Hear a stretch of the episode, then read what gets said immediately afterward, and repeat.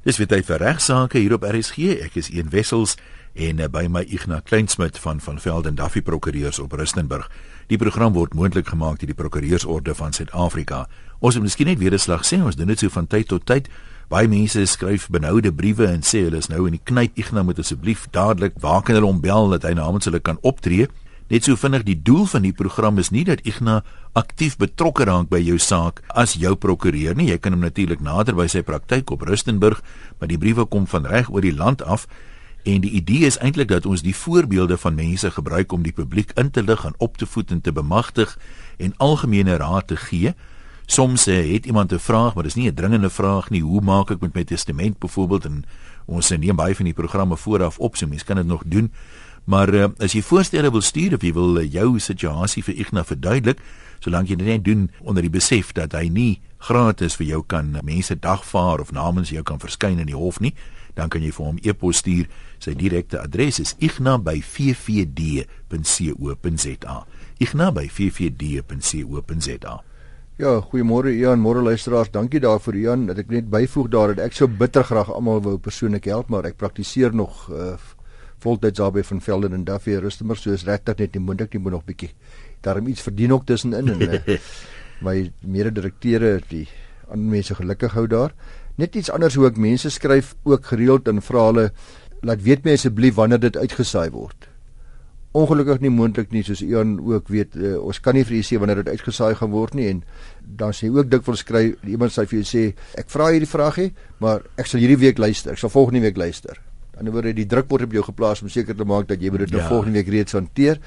Ons kan dit nie doen nie en in elk geval wanneer jy 'n navraag gerig wat van algemene belang is, sal dit eers in elk geval oor so 'n maand of 2 daarna eers uh, op die lig uitgesaai word.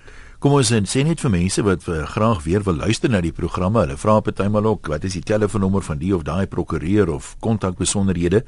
Al die programme van regsaake is as potgoeie beskikbaar op RSG se webwerf. Jy gaan na rsg.co.za toe so links bo in die bladsy klik jy op pot gooi en uh, dan maak hy 'n nuwe bladsy oop en dan tik jy net daar jou sleutelwoord in regsaake of jy kan na op en af rol ook ehm um, sekere sleutelwoorde. Regsaake is een van hulle klik daarop en uh, dan uh, kan jy die jongste programme sien. Dit bly gewoonlik vir 'n hele paar maande daar so jy kan ook datums daar insit van die datum tot daai datum en uh, dan kan jy weer daar luister op jou rekenaar en uh, stop en oordink en bepeins en deurdink. Nee, dankie Jan. Ons is oorval te loops deur luisteraars na aanleiding van die programme oor boedels en testamente en boedelberedering wat deur Volker Creera van Vervel en Duffy uh, aangebied was. Uh baie baie mooi komplimente gekry en ook baie navraag na aanleiding daarvan. Hier is een van hulle is uh, eh, Reggie Du Plessis sê is mevrou Du Plessis, sy sê sy is 'n gereelde luisteraar, sy het veral ook die boedel navraag op RSG baie geniet. Uh sy sê ek het ook 'n vraag wat ek hoop u sal 'n positiewe antwoord op kan gee. Hoe lank na afhandeling van 'n boedel kan 'n agtergeblewene weduwee die testament teenstaan of beswaar daarteen aanteken? My egnoot sal 6 jaar gelede oorlede en tans is ek nie tevrede met die erflating besonderhede nie. Kan ek nog die testament teenstaan en beswaar aanteken op grond van die feite wat er nou tot my beskikking gekom het? Baie dankie mevrou Du Plessis. Dis 'n interessante vraag. Ja, Nou luisteraar, mense sal eers met die feite van die geval baie mooi moet deeglik ondersoek om vas te stel of uh, die dame mevrou Bosie se siviele eis het. Byvoorbeeld dit klink dit mag dalk wees op grond van verryking teen die erfgename wat wel geërf het wat sy dink sy moes geërf het. In ander woorde, Jannie het geërf, sy boedel is verryk ten koste van my boedel en ek moes dit eintlik geërf het. So die boedel sal uh oop weer heropen moet word en ek sal aansoek by die hof moet bring om te sê dat die boedel was verkeerd bereder, maar die probleem is dit, die algemene reël is hierdie is 'n siviele eis. Algemene reël is dat siviele eise van hierdie aard na 3 jaar verjaar. Die dame sê in haar brief 6 jaar gelede as 'n man oorlede. Wanneer begin loop die 3 jaar? Kom ons sê die persoon is nou oorlede, is dit 3 jaar na afsterwe, 3 ja. jaar nadat die eksekuteur aangestel is of nee, waar nee. waar kyk 'n mens? Die verjaring begin loop wanneer die eisoorsaak ontstaan het ander woorde in hierdie geval sou die eisoorsaak ontstaan het op die datum wat die boedel se rekening finaal goedgekeur was. Met ander woorde, van nou af weet ons Janie het wie geld. So dit kan dit kan maklik 'n jaar of 2 na afsterwe nog wees. Dit kan partykeer baie jare na afsterwe wees. So sy mag nog binne die 3 jaar tyd wees. Ek sien ja. Uh, in hierdie geval, dis waarom ek dit vir haar noem en 'n ander belangrike ding is kom ons vat nou maar uh iets waarvan jy nie kon geweet het nie. Dan ontstaan die verjaring se 3 jaar begin dan eers loop op die datum waar jy redelikerwys daarvan bewus kon gewees het of moes gewees het. Aan die ander vat nou weer die dame se voorbeeld. Die vraag is watter nuwe feite het aan die lig gekom? Dit is is dit iets wat 'n geheim was vir 'n lang tyd wat niemand van geweet het nie, nie die eksekuteur nie, nie ons uh, briefskryfster nie. As jy nou eers daarvan weet en dis iets wat die hof gaan bevind, wie wat sy kon nie vroeër daarvan bewus gewees het nie, dan ontstaan haar eis eers binne 3 jaar vandat sy daarvan bewus geword het. Kom ons sê byvoorbeeld, ons vind nou uit dat die oorledene was my pa gewees. Ek het nooit geweet dis my pa nie. En die testament het gesê ek is een van sy kinders, al sy kinders moet gelyke dele erf maar daar was net een kind wat geërf het. Nou kan ek bewys ek is een van die kinders, maar ek het nou eers dit uitgevind. Dan dan het my is dat ek 3 jaar tyd van dit uh, ek uitgevind het uh, en ek vooraf nie bewus kon gewees het nie. Goed. So ek sal as voorstel dat mevrou Du Plessis prokureur gaan raadpleeg op grond van haar spesifieke omstandighede moet hy dan vasstel hy of sy wanneer verjaring in haar geval begin loop en of hy eis vir jare of nie. En my volgende stap sou natuurlik ook wees om te bepaal of daar enigstens 'n regsbasis is vir haar voorneme om hierdie testament aan te veg of teen te staan, maar dit is 'n duur proses. Uh, sy gee nie verder besonderhede nie en haar prokureur sal dit behoorlik moet ondersoek. Uh, want natuurlik is die kans is bitter goed dat dit geoponeer gaan word en dat dit tot verdedigde duur uitgerekte litigasie gaan lei. Maar uh, dit mag ook wees dat die dat afhangende van die feite die erfgename dadelik toegee dat daar 'n fout gemaak was en die geld vir haar terugbetaal. So uh, nie maklik om te sê wat in 'n geval gaan gebeur. Ja, nee, mense moet ook maar nie dinge vooruitloop nie. Partymal reageer mense soos jy dink hulle gaan, maar soms daarom ook nie. Ja, dit is so. Dan uh, ek het 'n briefie gekry van Cornie, is Cornie Bester. Hy het destyds vir ons 'n bydrae geskryf oor die hof vir klein eise, onthou ek wat hy ook gepubliseer het. Ja, ja, ja, ja. Ja. Hy sê ek wil meer weet oor die regsbeginsel van die bonis proprius. Die Hooggeregs het vroeër vanjaar bevind dat die regering ongrondwettig opgetree het toe hy versuim het om president Omar al-Bashir van Sudan in hegtenis te neem. Die regering het appeleer teen die bevel, maar 'n volbankregters het in September 2015 beslis dat die regering nie mag appeleer in die eerste hof van appel nie. Die hof glo nie dat enige ander hof tot 'n ander beslissing sal kom nie. Dis altyd so wanneer 'n hof sê ek gaan nie appel toestaan nie. Dink nie 'n ander hof tot 'n ander beslissing kom nie. Verskeie redes wat die hof aanvoer en vir my as 'n leek sin maak, is onder andere dat die wet op uh, diplomatieke immuniteit wat die regering as 'n verweer opper, nie verhewe is bo Suid-Afrika se verpligtinge teenoor die internasionale hof nie. Regter Mslambo het gesê Al-Bashir het nie immuniteit gehad nie en die regering het geweet hulle behoort hom in hegtenis, moes hom in hegtenis neem. Nou wil die regering, blykbaar soos dit so dikwels gebeur, op aandrang van die ANC voortveg teen die hofbeslissing met appel na die appel. Dit is natuurlik 'n goeie reg sê hy, maar wat my ongemaklik maak is die feit dat talle sake na die howe geneem word op ons as belastingbetalers se kostes soms dis die belangrike deel hierdie soms sonder enige vooruitsig op sukses. So sê reg en geregtigheid moet tog geskied. Is dit nie dikwels ook maar speel vir tyd nie? Korrek. Jy weet dan ons termyn is verby is die ding eendag uitge Ja, en hy sê as dit nie maar in sommige gevalle net almoedig geword of gewoonte om appel teen alles en nog wat aan te teken en dit vir die howe te plaas nie, want die regering het niks om te verloor nie want die gepaardgaande koste word van ons as belastingbetalers verhaal. Dis die punt wat hy maak. So dis maklik om alles appel toe te vat en alles ja. hof toe te vat. Dis wel ongewoon dat 'n regter nie 'n kostebevel teen 'n amptenaar of 'n raadslid in sy persoonlike hoedanigheid sal toestaan nie omdat die wet op die immuniteit van raadslede beskerming verleen. My vraag is, wat is die moontlikheid van 'n bevel deur die hof teen die regeringsamptenaar dat hy uit sy eie sak die kostes van hofaansoek moet betaal? ander woorde eie bates, uit eie bates, die bonis proprius persoonlik. Veral in die geval waar daar geen redelike kans op 'n suksesvolle appel is nie, die moontlikheid bestaan tog dat die hof kan bevind dat die regering se aansoek nie billik en regverdigbaar is nie. Dis sy vraag. So baie dankie daarvoor aan sy groete van Corrie daar in Danabay. Corrie, interessante vraag. Die kruks van die brief is maar oor die regsbeginsel van die bonis proprius en hoe dit die staat raak. Nou in die huidige politieke klimaat van Suid-Afrika sien ons telkens dat die staat voor die hof gedaag word oor sekere kwessies of heel dikwels self hof toe gaan. Nou is dit dan regverdig vra hy dat die belastingbetaler moet opdok vir die reskoste en hoekom staatsamptenare nie eie sak betaal nie. Die kostes by bonus proprius word nie maklik toegestaan nie en die hof meld gereeld dat dit slegs in uitsonderlike gevalle toegeken moet word. Prokureurs regspraktisyn sê die hof moenie gestraf word met so 'n kostebevel vir elke foutjie wat 'n mens maak nie, want almal van ons kan foute maak, ook prokureurs, ook advokate. Want gewoonlik is hierdie Dybonius properties net van toepassing. Hierdie uit eie sak betaal vir toepassing om regsverteenwoordigers wat nie saak reg gedryf het nie of behoorlik uh, voorberei het nie of wat die hof hulle misnoo uitspreek omdat die prokureur of die advokaat sekere feite nie voor hom gebring het nie of wat ook nog al dit mag wees. Nou hierdie kostes word toegeken teen partye soos ek gemeld het in geval van grove nalatigheid of onbevoegdheid. Dit word toegeken waar 'n party se optrede wesentlik afwyk van die standaard wat verwag word van so 'n regspraktisyn. Dit moet dan van so 'n aard wees dat daar nie van hierdie regspraktisyn of die betrokke party se kliënte verwag kan word om die kostes van die litigasie te dra nie, omdat die hof dan sy diepgaande misnoo wil toon met die optrede van 'n prokureur in daardie spesifieke konteks. Voorbeelde wat ons al gesien het in die howe is oneerlikheid, dwarsbome van die gereg, roekelose litigasie, misleiding van die hof, grove onbevoegdheid, gebrek aan nodige sorg ensovoorts.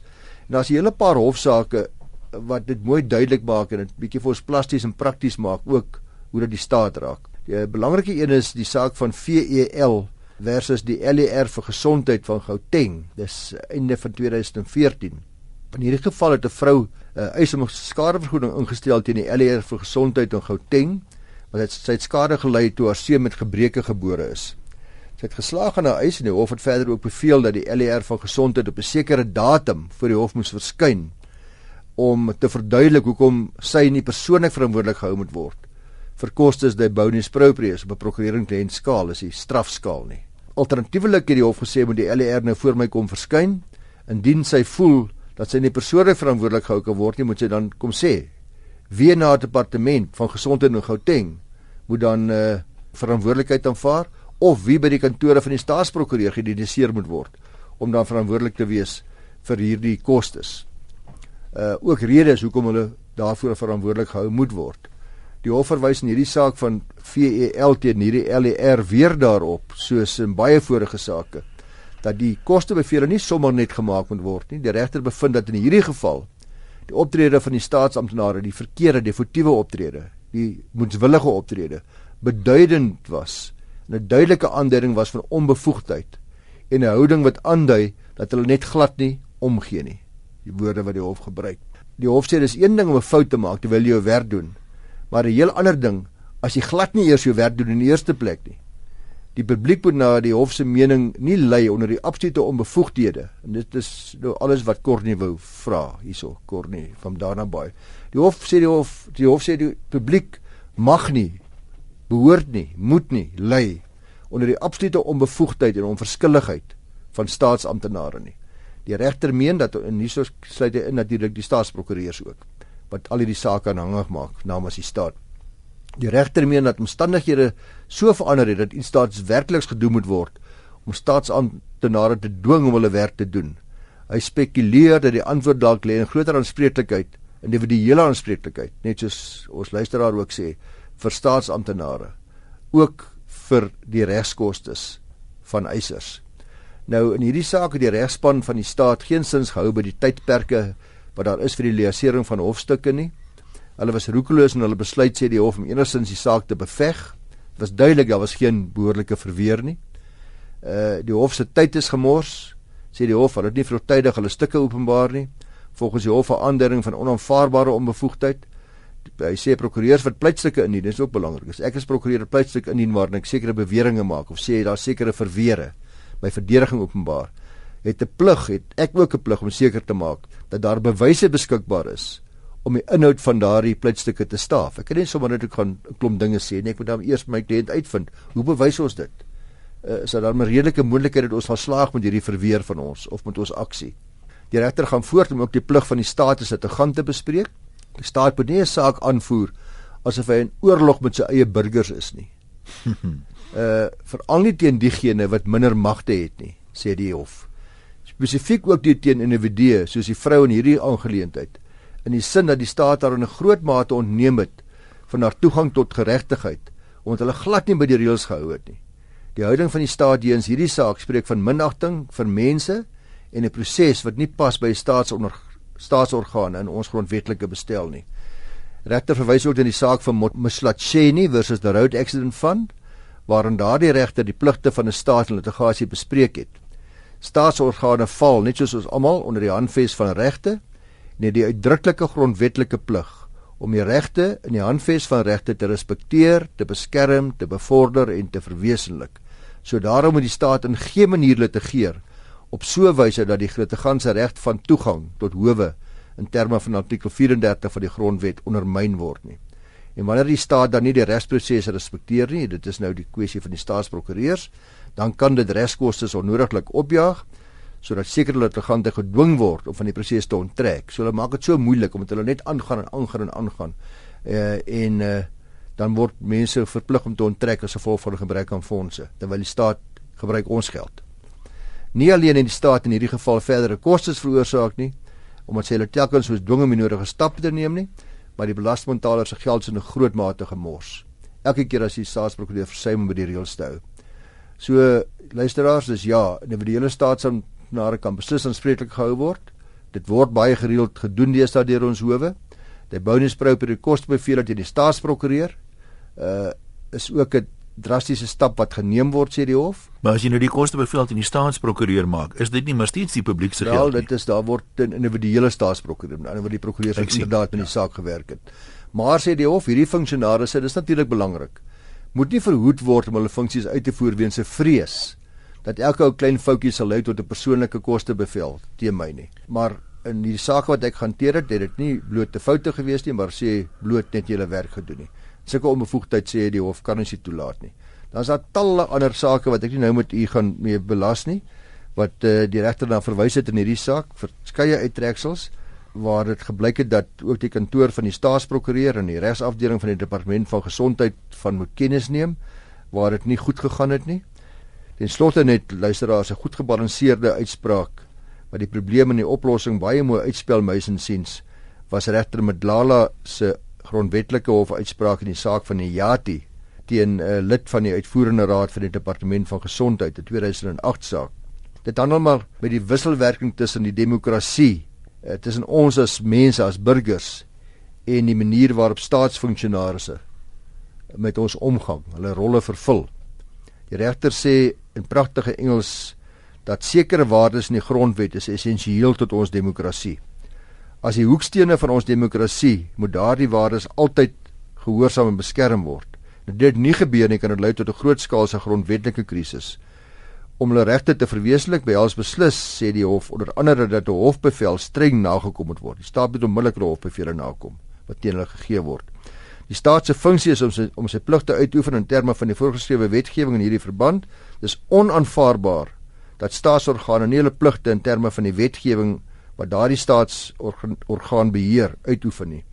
Dan sê die hof die probleem lê dalk daarin en dink baie mense gaan nou saamstem dat sekere amptenare nie eers weet wat hulle verantwoordelikheid is nie en dat staatsprokureurs soms nie eers weet wie die verantwoordelike amptenare veronderstel is om te wees nie. Met ander woorde, ons weet nie wie die regte ding behoort te doen nie. Wie is die mense wat eintlik verantwoordelikheid moet aanvaar nie? Dit mag dalk aandui wat die oorsaak van die probleem is, maar is beslis nie 'n goeie verskoning of regverdiging vir hierdie probleem nie en kan ook teen die staat beskerm of onthef om dan verantwoordelikheid ook in persoonlike hoedanighede te aanvaar vir versuim nie. By ouend beveel die regter in hierdie saak wat ek nou gesê het, genoem het dat die staatsprokureurs in die LER van gesondheid in Gauteng gesamentlik en afsonderlik verantwoordelik sal wees vir al die kostes, die bonus proprius kostes. Ek het ook 'n paar weke gelede luisteraars se saak hanteer waarin ek verwys het na die persoonlike aanspreeklikheid van munisipale amptenare. En dan nooi ons alle regslui uit, maak nie saak of jy 'n prokureur of advokaat of 'n staatsanklaer of 'n landdros is of 'n regter of wat ook al nie, om vir ons jou stories en staaltjies te stuur. Ek is besig om vir RSG 'n boek saam te stel oor humor in die hof en ons sal graag wil hoor wat is die snaakste ding of die eienaardigste ding wat al met jou persoonlik in jou regsloopbaan gebeur het. Jy kan dit vir my persoonlik stuur een by rsg.co.za of vanaf my webwerf eenwessels.com kontak my daarvan af en ons sal jou erkenning gee vir jou bydrae as jy wil hê sit jou naam en so aan by maar ongelukkig kan jy nie betaal nie maar jy kan darm 'n uh, klomp ander regslui lekker laat saam lag ek nou so 'n kortetjie om jou af te sluit vandag in die saak van Wenalex eienoms beperk teen Vigra dink amper soos Viagra, maar as Vigra eienoms uh, eienoms BK en ander is 2015 uh, nou 'n sterk maatskappy. Saak, ja. ja saak hier so in die middel van 2015 gerapporteer het die koper, die applikant in die saak het aangevoer dat hy 'n uh, huis gekoop het vanaf die verkoper. Die koper het die hof toe genader vir 'n bevel om hierdie koopkontrak af te dwing om te verklaar dat dit geldig is en om die verkoper te beveel om sy verpligtinge in terme van die koopkontrak na te kom. Dit wil sê om oordrag te bewerkstellig eh, en die nodige dokumentasie te teken ensovoorts want die verkoper het geweier. Die feite van die saak was dat die koper het okupasie reeds van die eiendom geneem. Uit die koopprys wat bepaal was taal al wat moes gebeur was oordrag. Toe die verkoper besluit hy gaan nie saak voort met hierdie transaksie nie. Hy het aangevoer dat daar nie 'n bindende ooreenkoms was tussen hulle nie want uh, die kopers het het gekoop in die naam van 'n maatskappy geregistreer te word. Uh terwyl hy beweer die maatskappy het inderdaad al reeds bestaan ten tye van die ondertekening van die koopkontrak. Die kontrak bepaal dat die koper 'n pre-inkorporasie kontrak sou aangaan in terme van artikel 21 van die maatskappye-wet en dis 'n nuwe maatskappy sou stig. Die verkoper sê dat omdat daar reeds 'n maatskappy was, was dit nou is hierdie ding nou ongeldig. Die koper het die hof toe genader en sê alhoewel die kontrak bepaal dat daar 'n nuwe maatskappy gestig moes word, dat die plek van die koper sou moes inneem. Dan moet daai nuwe maatskappy sou net in die koper se plek kom en uh daai nuwe maatskappy sou dan oordrag neem en daar's eintlik geen goeie rede om die koopkontrak nie ter te verklaar. Daar's geen nadeel hoegenaamd dat dit voorspel of dit nou A, B of C is nie. Dis duidelik dat die mense wat teken gaan later die maatskappy wees. En of die maatskappy nou reeds bestaan het of nie, sou nie 'n verskil gemaak het nie. Die koper het argumenteer dat die billike en behoorlike uitleg van die kontraktuele bepalinge is stipulatio alterie daar gestel het wat beoog het dat die regte en verpligtinge of deur 'n maatskappy wat reeds geïnkorporeer is of een wat nog geïnkorporeer moet word uitgevoer moet word. So dit kan anders ook wees sê hy. Regter Olsen bevind dat die drie persone wat die koopkontrak onderteken het namens die koper en hulle persoonlike hoedanighede ook opgetree het. Die vraag of 'n maatskappy ten tye van die kontraksluiting bestaan het of nog in of nog moet in werking kom of nog gestig moet word sê die hof is eintlik regtig irrelevant. Die laaste vraag was dus of die kontrak steeds geldig was indien daar slegs voorsiening gemaak word vir 'n maatskappy wat nog geïnkorporeer staan te word na kontraksluiting en die hof het bevind dat dit glad nie nodig is nie dat die kontrak dus aangegaan kan word deur 'n maatskappy wat reeds geïnkorporeer was geen nadeel nie en die verkoper is gebonde aan die koopkontrak en moes toesien tot die vervulling daarvan. Ek is mos van nature nuuskierig, so ek wonder altyd met die goed oor die storie agter die storie. Dis waarskynlik 'n beter aanbod. Ek wil nou hier my loswikkel. Dan moet een of ander praktiese ding nee, wees. Presies wat hier gebeur het, glo ek ook. Ek het ook gespekuleer daaroor en ek dink jou raaiskoot is waarskynlik baie baie naby reg dat die eiendom het skielik in waarde dramaties toegeneem. Uh, Daar's dalk tussen moontlik vir onteiening vir 'n pad of wat ook ja. al of daar's iets ontdek by eiendom of daar's 'n baie beter aanbod. Interessant hoe die goed wêreldwyd verskil. Ek het nou die dag toevallig gelees blyk en ek praat onder korreksie, ek het nie die regsituasie nie, maar in Kanada, as iemand 'n aanbod gemaak het op jou huis, dan mag jy blykbaar nie eers ander aanbiedinge enigsins oorweeg voor jy nie uit voor jy nie gesê het ek gaan hierdie een aanvaar of nie aanvaar nie. Ja, daar mag daar mag sekere goed by wees soos jy weet as dit nou die prys nou dit of dat is, maar sê ja, nou ja. ek maak 'n aanbod. Ek het met iemand gesels wat in 'n in 'n dispuut was daaroor dat die ouens het na ander aanbiedinge gekyk. So blykbaar moet jy eers jy met hulle een vir een op sy eie oorweeg en sê nee, ek gaan nie hierdie een aanvaar nie en uh -huh. dan kan jy eers kyk na ander. Baie interessant. Interessant. Ek wonder ja. soms oor die ja. die redes daar agter. Want ja, dis ons vir vandag. Die program word soos altyd moontlik gemaak deur die Prokureursorde van Suid-Afrika en voorstelle vir toekomstige onderwerpe en besprekings kan jy direk vir Ignas stuur by igna@ffd.co.za. Al die programme van regsaake is ook op RSG se webwerf beskikbaar om weer na te luister. Klik bo in die bladsy op potgooi en eh, dan rol jy daar af tot by regsaake of te regsaake in as sleutelwoord. Vir my en Wessels, ons gesels volgende week weer.